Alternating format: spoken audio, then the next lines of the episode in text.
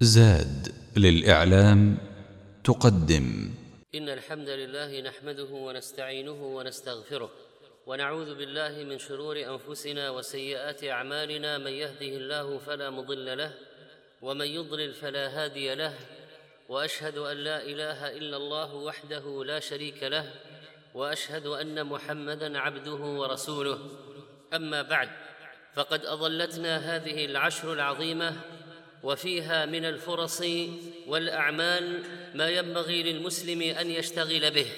وقبل أن نشرع في ذلك أيها الإخوة المسلمون اذكر ما صدر عن سماحة المفتي العام للمملكة بشأن خروج الشباب للجهاد في الخارج من بيان صدرت التوجيهات بنشره وإذاعته وتعميمه في خطب الجمعة وغيرها. وقد اشتمل على وجوب التناصح بين المسلمين والتواصي بالحق لقوله تعالى وتواصوا بالحق ولقول النبي صلى الله عليه وسلم لا يؤمن أحدكم حتى يحب لأخيه ما يحب لنفسه وقد أراد سماحة المفتي في بيانه أن يبين لأبنائه من باب الشفقة عليهم وما لديهم من الحماسة الدينية والغيرة الا يقدموا على عمل من الأعمال إلا بعد أن يكون لديهم علم يميزون به بين الحق والباطل حتى لا يكون الجهل سببا لاستدراجهم والإيقاع بهم من أطراف مشبوهة وأجهزة خارجية تعبث بهم باسم الجهاد ويحققون بهم أهدافهم وينفذون بهم مآربهم ويستعملونهم في عمليات كثيرة مشبوهة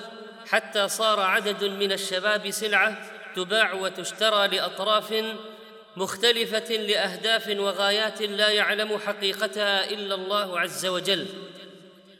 وأن تحذيره قد سبق من هذا الأمر لاضطراب الأوضاع والتباس الأحوال وعدم وضوح الرايات وأهمية طاعة ولاة الأمر وكذلك عدم خلع البيعة والتحذير من الوقوع فريسه سهلة لكل من أراد الإفساد والحيلولة بينهم وبين استغلالهم من أطراف خارجية وأن الجهاد خلف ولاة الأمر قد انعقد عند علماء الأمة القيام به خلفهم كما قال الحسن البصري رحمه الله هم يلون من أمورنا خمسا الجمعة والجماعة والعيد والثغور والحدود.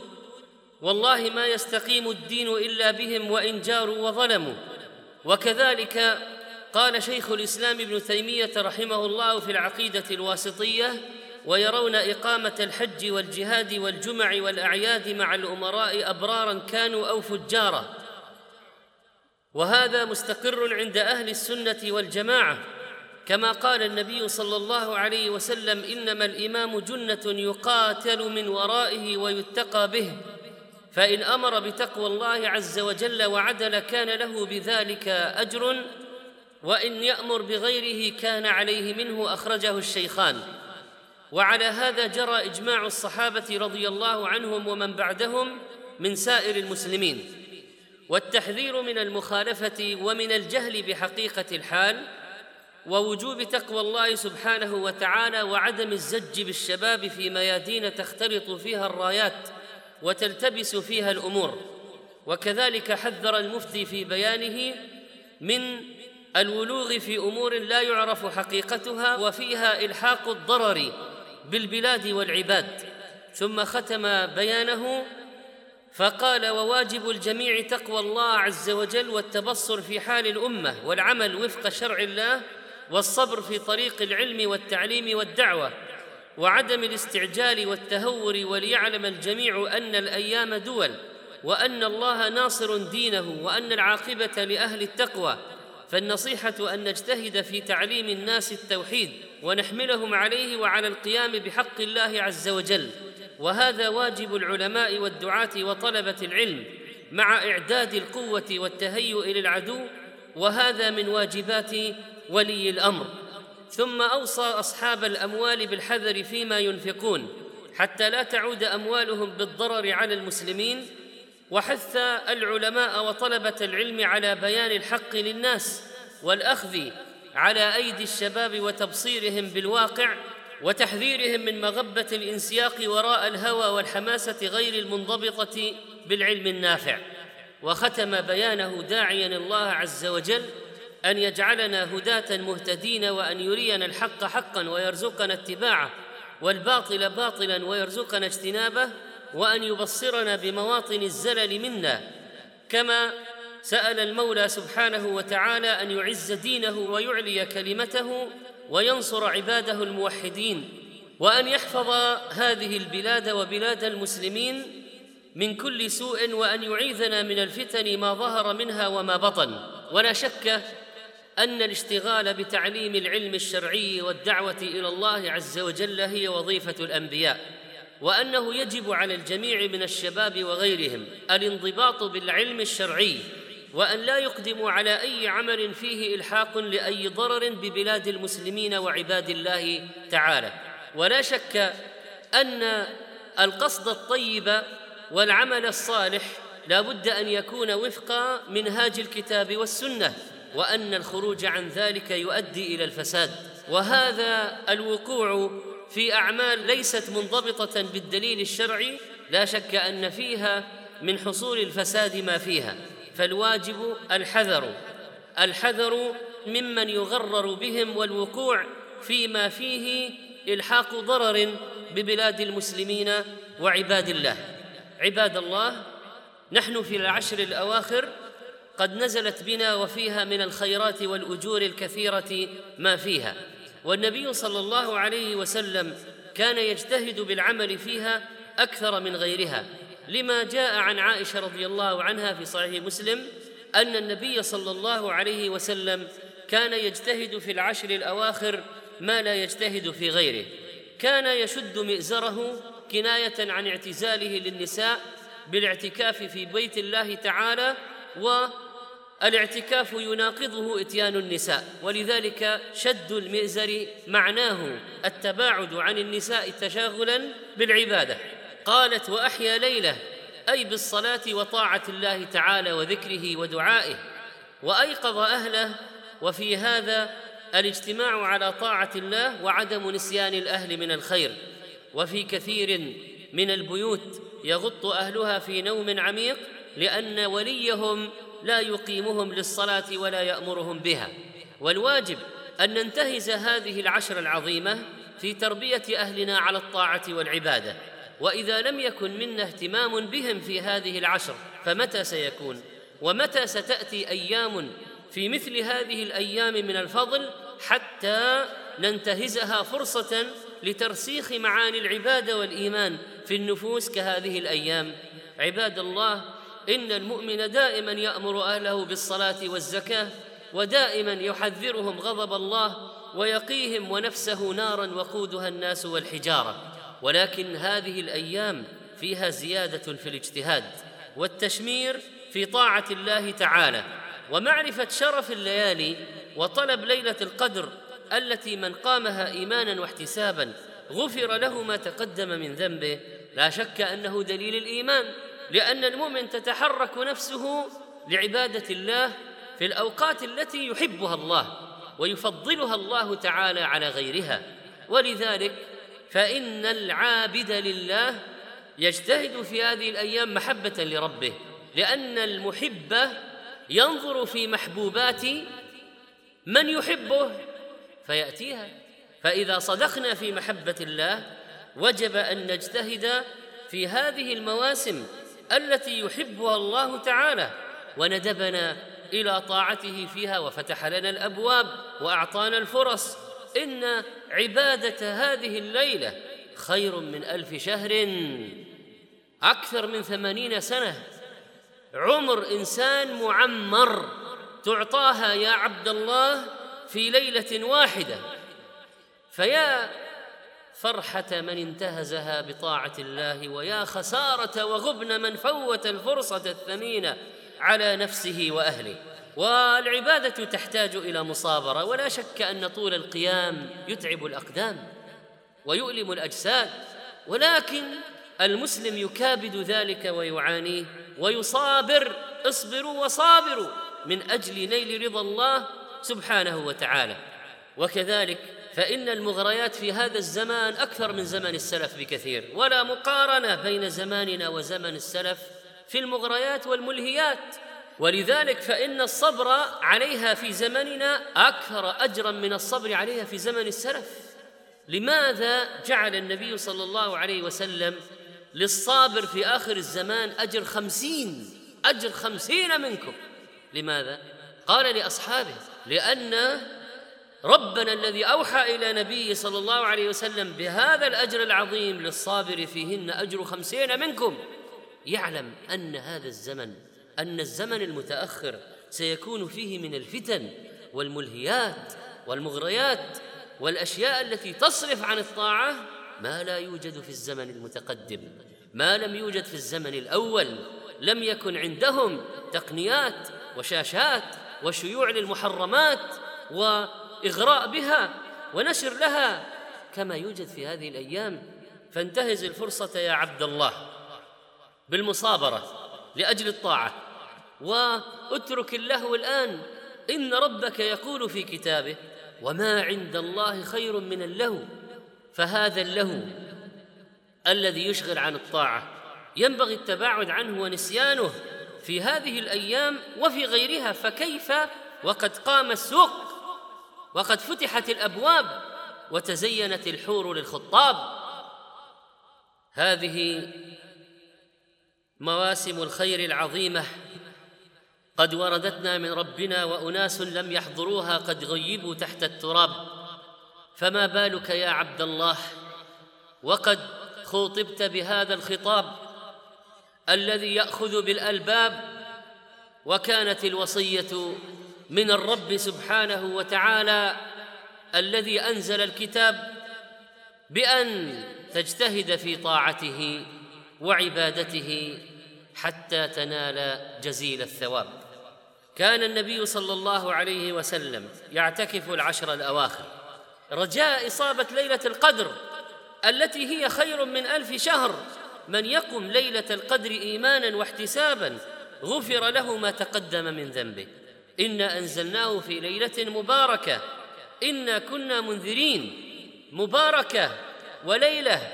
فيها نزل القرآن من عند الله الحكيم العليم. وكان الفصل من اللوح المحفوظ إلى الكتبة. وهذا الفرق يفرق فيها كل أمر حكيم. ما في هذه السنة من الأرزاق والآجال والخير والشر يفصل من اللوح المحفوظ إلى الكتبه لتنفيذه.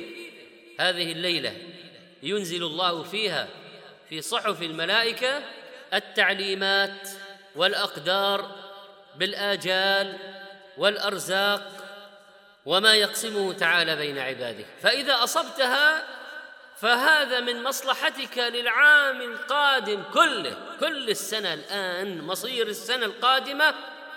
وما فيها في ليلة القدر يفصل فيها يفرق فيها كل أمر حكيم. إنا أنزلناه في ليلة القدر. وما أدراك لشرفها وما أدراك ما ليلة القدر في ثوابها. ليلة القدر خير من ألف شهر. وفيها نزول الملائكة الذين هم في الأرض أكثر من عدد الحصى. تتنزل الملائكة والروح. وجبريل كذلك. جبريل ينزله الله. ينزله الله إلى الأرض. فإذا نزل الروح الأمين والملك الكريم ذو المرة من أجلنا. ينزل جبريل والملائكة من أجلنا.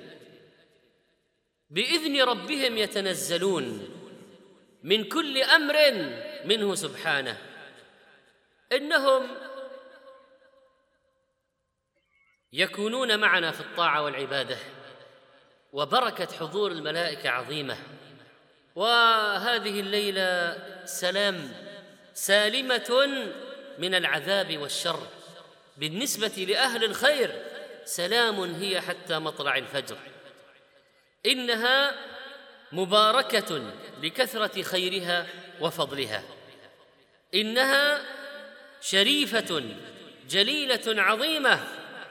لقد رفع الله تعيينها لمصلحتنا لأنها لو عينت وخصصت بشيء معلوم لنا لما اجتهد الناس إلا هذه الليلة المعينة. لكن رفع الله تعيينها بسبب تلاحي رجلين وهذا يبين سوء الخصومه بين المسلمين. لكن كان ذلك السبب من الشر في النهاية خيرا للأمة وهذا يبين أنه ليس في أفعال الله وتقديره شر محض.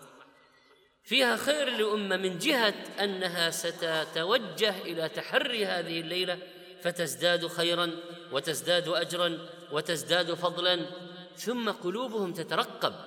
معنى الرجاء في إخفاء ليلة القدر أكثر منه عند تعيينها.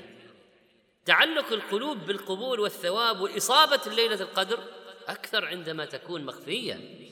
ولذلك اقتضت حكمته أن يخفيها عن عباده. فقال عليه الصلاة والسلام تحروا ليلة القدر في العشر الأواخر من رمضان. في الأوتار أقرب منها في الأشفاع. كما قال عليه الصلاة والسلام تحروا ليلة القدر في الوتر من العشر الأواخر من رمضان. هي في السبع الأواخر أقرب لقوله عليه الصلاة والسلام أرى رؤياكم قد تواطأت. يعني اتفقت في السبع الأواخر. فمن كان متحريها فليتحرها في السبع الأواخر. متفق عليه.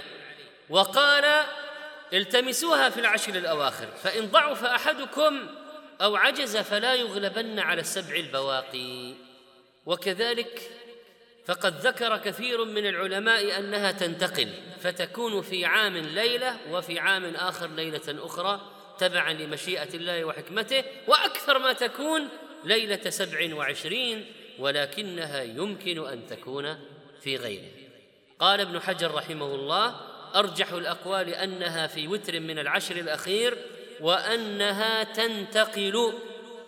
ومن كان جادا في طلبها حريصا عليها يريد إصابتها فسيجتهد في العبادة.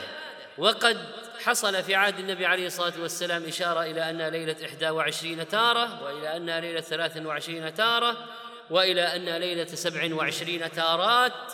ولذلك فينبغي للمسلم الاجتهاد إلى نهاية الشهر لأنه قد ورد أيضا أنها في آخر ليلة من رمضان. علامتها بعد أن تنتهي. الشمس التي تطلع صبيحتها لا شعاع لها. هذه الليلة التي تصبح الشمس يومها ضعيفة حمراء هذه الليلة المضيئة البلجة المنيرة التي لا يرمى فيها بنجم ولا ترسل فيها الشهب. هذه الليلة التي فيها الشرف العظيم والخير الوفير. هنا يعتكف العباد لأجلها. وهنا يواظبون على صلاة القيام والتهجد لإصابتها. هنا يجتهدون ويسكبون العبرات يرفعون الأيدي ويسألون. هنا يكثرون من قول اللهم إنك عفو تحب العفو فاعف عني. هنا يتبعون السنة ويجتنبون البدع وهنا يريدون أن يكونوا من أهل الخير الذين أصابوها وقد أصابها قبلهم من أصابها من المؤمنين على مر العصور السابقة فهل لك يا عبد الله أن تلتحق بالموكب الشريف الذي مضى. وأيضا فإنه لا بأس لمن لا يستطيع إكمال الصلاة مع الإمام أن يصلي في بيته ولا يترك إتمام الصلاة وإتمام الصلاة مع الإمام بجزئيها وقسميها. هو الذي ينطبق عليه حديث النبي صلى الله عليه وسلم أن من قام مع الإمام حتى ينصرف كتب له قيام ليلة. فإذا خشي أن لا يستطيع إكمال الصلاة أو كان عنده من العمل ما يمنعه من السهر فإنه يكملها وحده في بيته ولا يترك إكمال قيام الليل. ولو قام بعضها في مسجد وبعضها في مسجد آخر فلا بأس. ولو أنه أراد أن يزيد بعد انتهاء صلاة الإمام والوتر في مسجد آخر أو في بيته صلى مثنى مثنى ولا يعيد الوتر.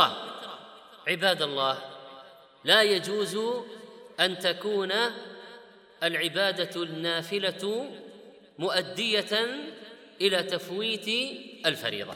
ولذلك في غمرة الاجتهاد يجب اتخاذ كل الأسباب للقيام لصلاة الفجر. صلاة الفجر وما أدراك ما صلاة الفجر وكثير من الناس تساهلوا فيها سابقا فلا يجوز أن يكون في مواسم الخير تساهل فيها بحال. والسلف كانوا يصلون في آخر الليل فلا يبقى للفجر إلا بالكاد وقتا للسحور. ولذلك قال عبد الله بن أبي بكر عن أبيه كنا ننصرف في رمضان من القيام فنستعجل الخدم بالطعام مخافة فوت السحور. وفي حديث السائب أن القارئ كان يقرأ بالمئين يعني مئات الآيات حتى كانوا يعتمدون على العصي فما كانوا ينصرفون إلا في فروع الفجر. ولذلك فإن القيام في آخر الليل ومده إلى قرب الفجر من فوائده تحصيل السحور وتحصيل صلاة الفجر. واعلموا رحمكم الله أن الاستغفار بالأسحار مما ورد في كلام العزيز الغفار. فإنه أثنى تعالى على القانتين وعلى المستغفرين بالأسحار. فإذا جمعت بين القنوت وهو طول القيام والاستغفار بالأسحار فإنه يرجى لك خير عظيم يا عبد الله. وإذا ختمت القرآن فإن من هدي السلف الدعاء. فلا حرج أن يدعو بعد ختم كتاب الله تعالى كما كان أنس رضي الله تعالى عنه يفعل مع أهله. وقد وجد بحمد الله من العباد في هذا الزمان ما ذكرنا بأيام السلف. وجد من يصلي بالليل من بعد العشاء إلى الساعة الثالثة. وجد من يختم القرآن في ثلاث ليال في القيام. ووجد من يختمه في أقل حتى خارج الصلاة. وناس لهم ختمات. نسأل الله أن يغفر لنا تقصيرنا. أناس لهم ختمات في هذا الشهر. وكذلك فإن من عباد الله من يسارع إلى بيته يرجو حجه. لقوله عليه الصلاة والسلام عمرة في رمضان تعدل حجه. العمرة إلى العمرة كفارة لما بينهما. هذه العمرة إلى العمرة تنفي الفقر والذنوب. وهذه العمرة من فعلها وفق السنة وأراد بها وجه الله لا رياء ولا ايذاء للناس. فإن له أجر عظيم. وأيضا فإنه لا بد من التفقه في أحكام العمرة وفي محظورات الإحرام حتى يجتنبها وكذلك في واجبات هذه العبادة العظيمة حتى يقوم بها. ونسأل الله عز وجل أن يزيدنا فقها في دينه وأن يوفقنا للمزيد من فضله وأن يجعلنا ممن يجتهد في عبادته وأن يعيننا على ذكره وشكره وحسن عبادته. عباد الله إن الاعتكاف وهو لزوم المسجد لطاعة الله تعالى من أعظم القربات والخيرات. حتى أن العلماء لما ذكروا أن العبادة ذات النفع المتعدي أفضل من ذات النفع اللازم إلا الواجبات التي لا بد من القيام بها فإنه مستثنى الاعتكاف مع أنه من المستحبات من هذه القاعدة. وقالوا إن الاعتكاف في العشر الأواخر من رمضان أفضل من تعليم العلم مع أن تعليم العلم في الأصل أفضل لأن نفعه متعدي وليس بقاصر على الشخص. والاعتكاف نفعه قاصر على الشخص.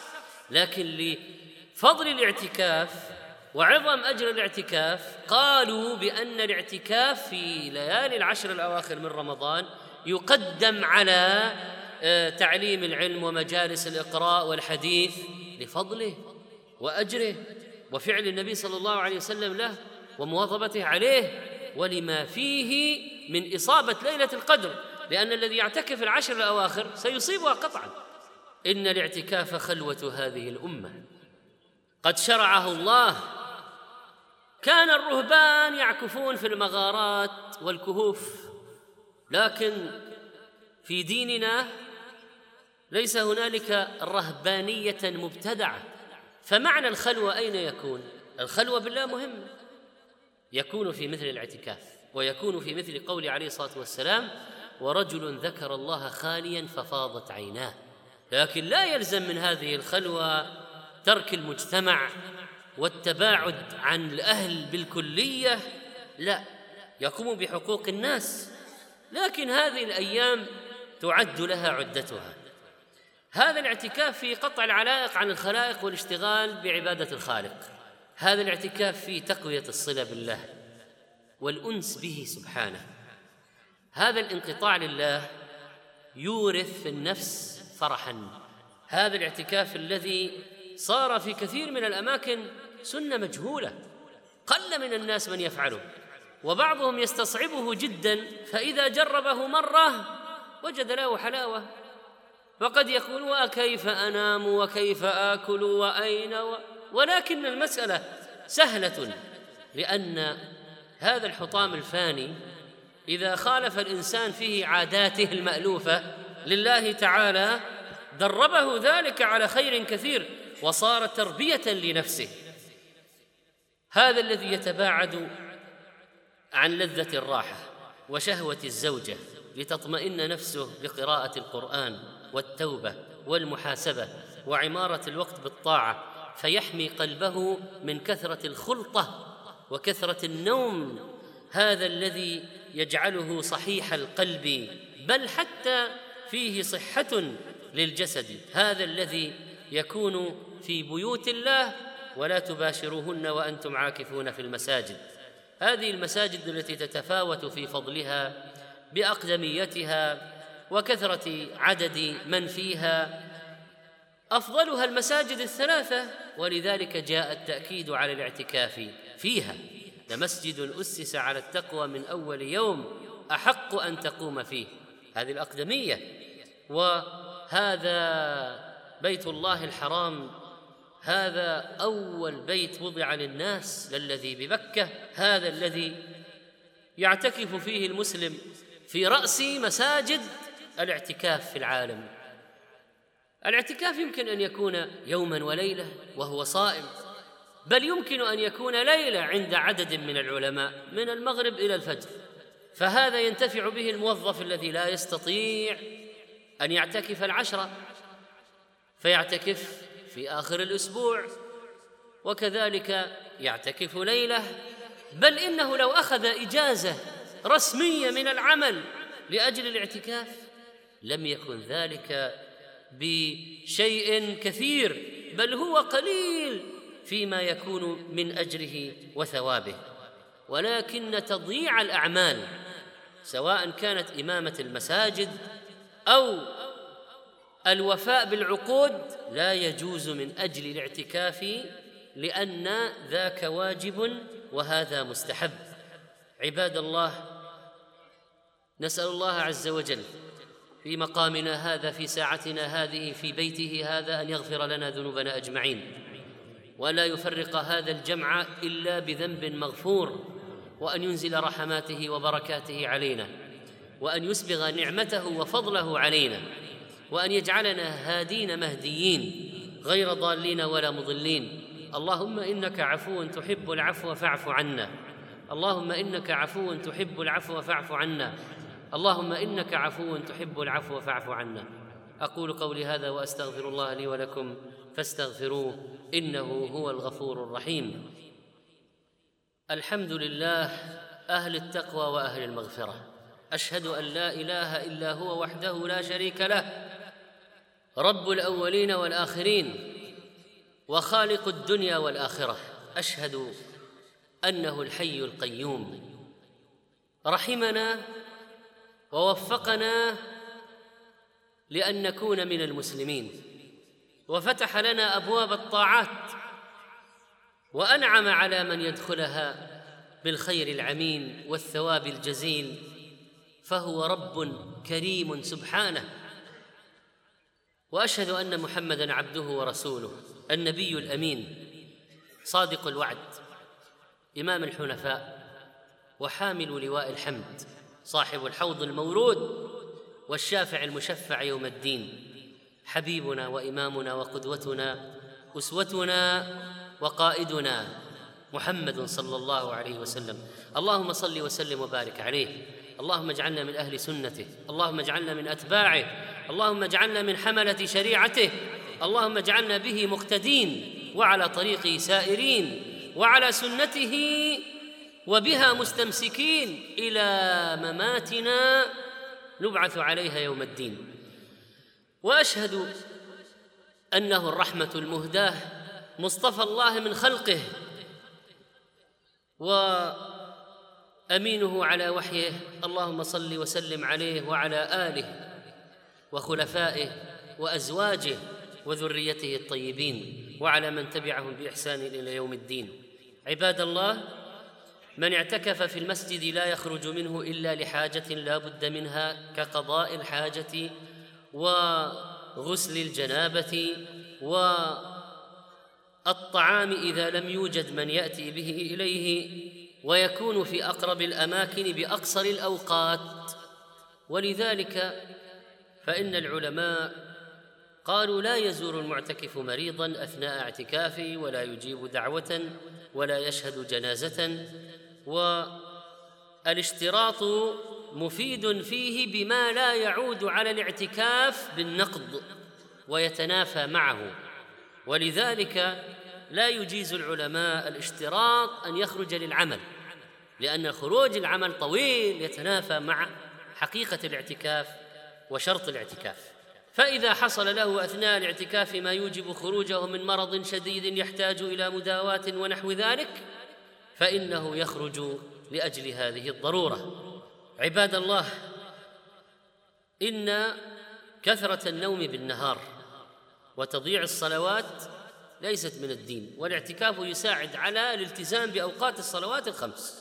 وليس من مقصوده أبدا إحضار ما هو خارج المسجد إلى داخل المسجد بالجوالات والأجهزة بل تفرغ وامتناع عن فضول الكلام وهو في الحقيقة رباط بأنك تدرك به صلاة بعد صلاة في المسجد. وفي هذه العشر يخرج الناس في نهايتها زكاة الفطر. طهرا للصائم عبادة عظيمة شرعها لنا ربنا رفقا بالفقراء واغناء لهم عن السؤال يوم العيد. وكذلك فإنه لا يخلو صوم الصائم من خرق لغو رفث غيبة كذب زور إيذاء. فكيف يرقعه بهذه العبادة؟ زكاة الفطر. فرض فرضها رسول الله صلى الله عليه وسلم. كل من عنده زيادة على نفقته ونفقة أهله يوم العيد يلزمه أن يخرج زكاة الفطر. يخرجها الإنسان عن نفسه وعمن ينفق عليهم من الزوجات والأقارب. فلا يدخل فيهم الموظفون والخدم والسائقون لأنهم مستقلون برواتب ولهم نفقاتهم. فإذا أراد أن يخرج عن أحد استأذنه فإن وافق أخرج عنه وهو مأجور وقد أجزأت عن المخرج عنه. سواء كان مستغنيا وسواء كان فقيرا فإنه لا حرج في ذلك. أما من تلزمك نفقتهم شرعا فإن إخراج الزكاة عنهم أمر واجب. عندما حصل كلام في قضية إخراج الزكاة من النقود أو من الأطعمة ورجعنا إلى السنة ووجدنا أن النص فيها قد جاء على الطعام وروى البخاري عن أبي سعيد الخدري رضي الله عنه قال كنا نعطيها في زمان النبي صلى الله عليه وسلم صاعا من طعام. وفي الحديث الآخر فرض رسول الله صلى الله عليه وسلم زكاة الفطر صاعا من طعام. لما صارت قضية ارتفاع الأسعار أيها الإخوة في السلع عرفنا جزءا من فائدة إخراج الطعام. النقود تزيد وتنقص وتختلف التقديرات فيها. لكن الطعام هذا هو موجود أمامك. وعندما ترتفع الأسعار فأنت تخرج من الطعام لصاع النبي صلى الله عليه وسلم عن الذكر والأنثى والكبير والصغير. فإذا قال إنسان هل يجوز أن ننتقل من الأغلى إلى الأرخص من الرز إلى القمح؟ الجواب نعم يجوز. لكن ما دام شيئا من طعام الآدميين وليس رديئا لا تقبله النفوس. وكلما كان أغلى وأعلى كان عند الله أطيب وأكثر اجرا. كلما كان الصنف المخرج منه أرغب للفقراء والمحتاجين وأنفس عند أهله كان أجرك في إخراجه أعلى أكثر عند رب العالمين. تؤدى قبل صلاة العيد وليحرص المسلم على اخراجها ومعرفه مكان الفقير ليذهب بها إليه وهو خارج صلاة العيد يصيب السنة التي كادت تنقرض. ولا حرج أن يوكل بها أحدا سواء أعطاه مالا ليشتري أو أعطاه الطعام ليوصله. وبعض الناس لا يحب التعب ويريد أن يرمي بالمهمات على الآخرين لكن هذا التعب له أجر فليحرص عليه. وينتهي وقت الجواز بصلاة العيد فلا بد من إخراجها قبل وبعض الناس ينسى ويوكل مهملا فلا يجوز توكيل المهمل المضيع. عباد الله وإن مما يختم به هذا الشهر تلك الشعيرة العظيمة بعده وهي صلاة العيد. يوم المسلمين العظيم والجمع المبارك اليوم المشهود البركة التي أوصى النبي عليه الصلاة والسلام بإخراج النساء من أجلها يشهدن الخير ودعوة المسلمين. هذا اليوم الذي يحرم صومه يوم العيد. ما لنا إلا عيدان والله الذي لا إله إلا هو في السنة كلها عيدان. فقط عيد الفطر وعيد الأضحى. هذا العيد إذا وافق يوم جمعة كما هو متوقع هذه السنة فإن حضور العيد يسقط وجوب الجمعة ولكن من أراد المستحب والأكثر اجرا والأفضل فإنه يحضرهما معا. ولكن لما حضر الجمع الأكبر صار ذلك مسقطا لوجوب الجمع الأقل. وبعض العبادات تغني عن بعض. ولكن لا تسقط صلاة الظهر بحال لأن الله عز وجل فرض في اليوم خمس صلوات. لا يمكن أن يقل عدد الصلوات عنها في اليوم والليلة. وإذا حصل شيء من الاختلاط فقالوا اقدروا له قدره فلا بد من أداء هذه الصلوات الخمس.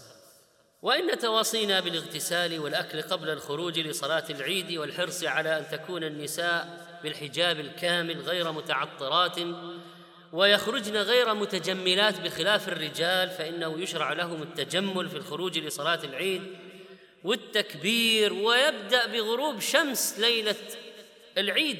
إذا غرب الشمس آخر يوم من رمضان شرع التكبير. وينبغي أن نحرص على أن نكون لله في طاعة باستمرار في العيد وفي غير العيد. فإن بعض الناس إذا جاء العيد كأنما فكت أبواب المحرمات عندهم. ورفعت المحظورات والحدود فصاروا يغشونها في كل وقت. بل العجب ممن يخطط للمعصية في العيد في أيام العشر الأواخر من رمضان. يخطط لذلك. وقد عرفنا أن التوبة النصوح هي حذف هذه المنكرات ومسح هذه المعاصي وليست عملية تأجيل لأن بعض الناس ينظر إليها على أن عملية تأجيل المعاصي مؤجلة لما بعد العيد. كلا والله بل إنها محرمة في كل أيام السنة. نسأل الله عز وجل أن يغفر لنا ذنوبنا وإسرافنا في أمرنا وأن لا يدع لنا في مقامنا هذا ذنبا إلا غفره. اللهم اغفر ذنوبنا واستر عيوبنا واقض ديوننا. اللهم ارفع عنا العنت. اللهم اكفنا شر كل ذي شر. أحينا مسلمين وتوفنا مؤمنين وألحقنا بالصالحين. غير خزايا ولا مفتونين. وارزقنا الفقه في الدين واتباع سنة سيد المرسلين. اللهم نسألك الأمن في البلد والعافية في الجسد وصلاح الذرية والولد. اللهم إنا نسألك فعل الخيرات وترك المنكرات وحب المساكين. اللهم إنا نسألك أن تقسم لنا من كل خير أنزلته في هذه الليالي يا رب العالمين. اللهم إنا نسألك في مقامنا هذا أن تخرجنا من ذنوبنا كيوم ولدتنا أمهاتنا. أعتق رقابنا من النار يا غفار. اللهم أنت تغفر الذنوب وتستر العيوب وتكشف الكروب اغفر ذنوبنا وتقبل توبتنا وثبت حجتنا وطهر قلوبنا وسدد ألسنتنا. اللهم إنا نسألك أن تعافينا في ديننا ودنيانا وأهلينا وأموالنا وأجسادنا يا رب العالمين. اللهم احفظنا من بين أيدينا ومن خلفنا وعن أيماننا وعن شمائلنا ومن فوقنا. ونعوذ بعظمتك أن نغتال من تحتنا. اللهم انصر الإسلام وأهله على الشرك والبدعة وأهل الصليب واليهود وأعداء الدين. اللهم اجعل نصرهم مؤزرا على هؤلاء الكافرين. اللهم إنا نسألك فرجا قريبا لهذه الأمة فقد تكالب عليها أعداؤها. وأنت القوي العزيز الجبار القهار لا يعجزك شيء في الأرض ولا في السماء. اللهم اهزم عدونا شتت شمله فرق جمعه رد كيده في نحره. اللهم اجعل ما قام به وبال عليه. اللهم إنا نسألك أن ترد إلينا المسجد الأقصى يا رب العالمين. اللهم انصر إخواننا المسلمين في كل مكان في الأرض في فلسطين وغيرها يا أرحم الراحمين. اللهم ارحم ضعفهم وفك حصارهم. وثبت أقدامهم. اللهم اربط على قلوبهم. اللهم إنا نسألك لهم الصبر والأجر. اللهم إنا نسألك في ساعتنا هذه في مقامنا هذا أن تغفر لنا ولآبائنا وأمهاتنا. ربنا اغفر لنا ولوالدينا وللمؤمنين يوم يقوم الحساب. سبحان ربك رب العزة عما يصفون وسلام على المرسلين والحمد لله رب العالمين. وقوموا إلى صلاتكم يرحمكم الله.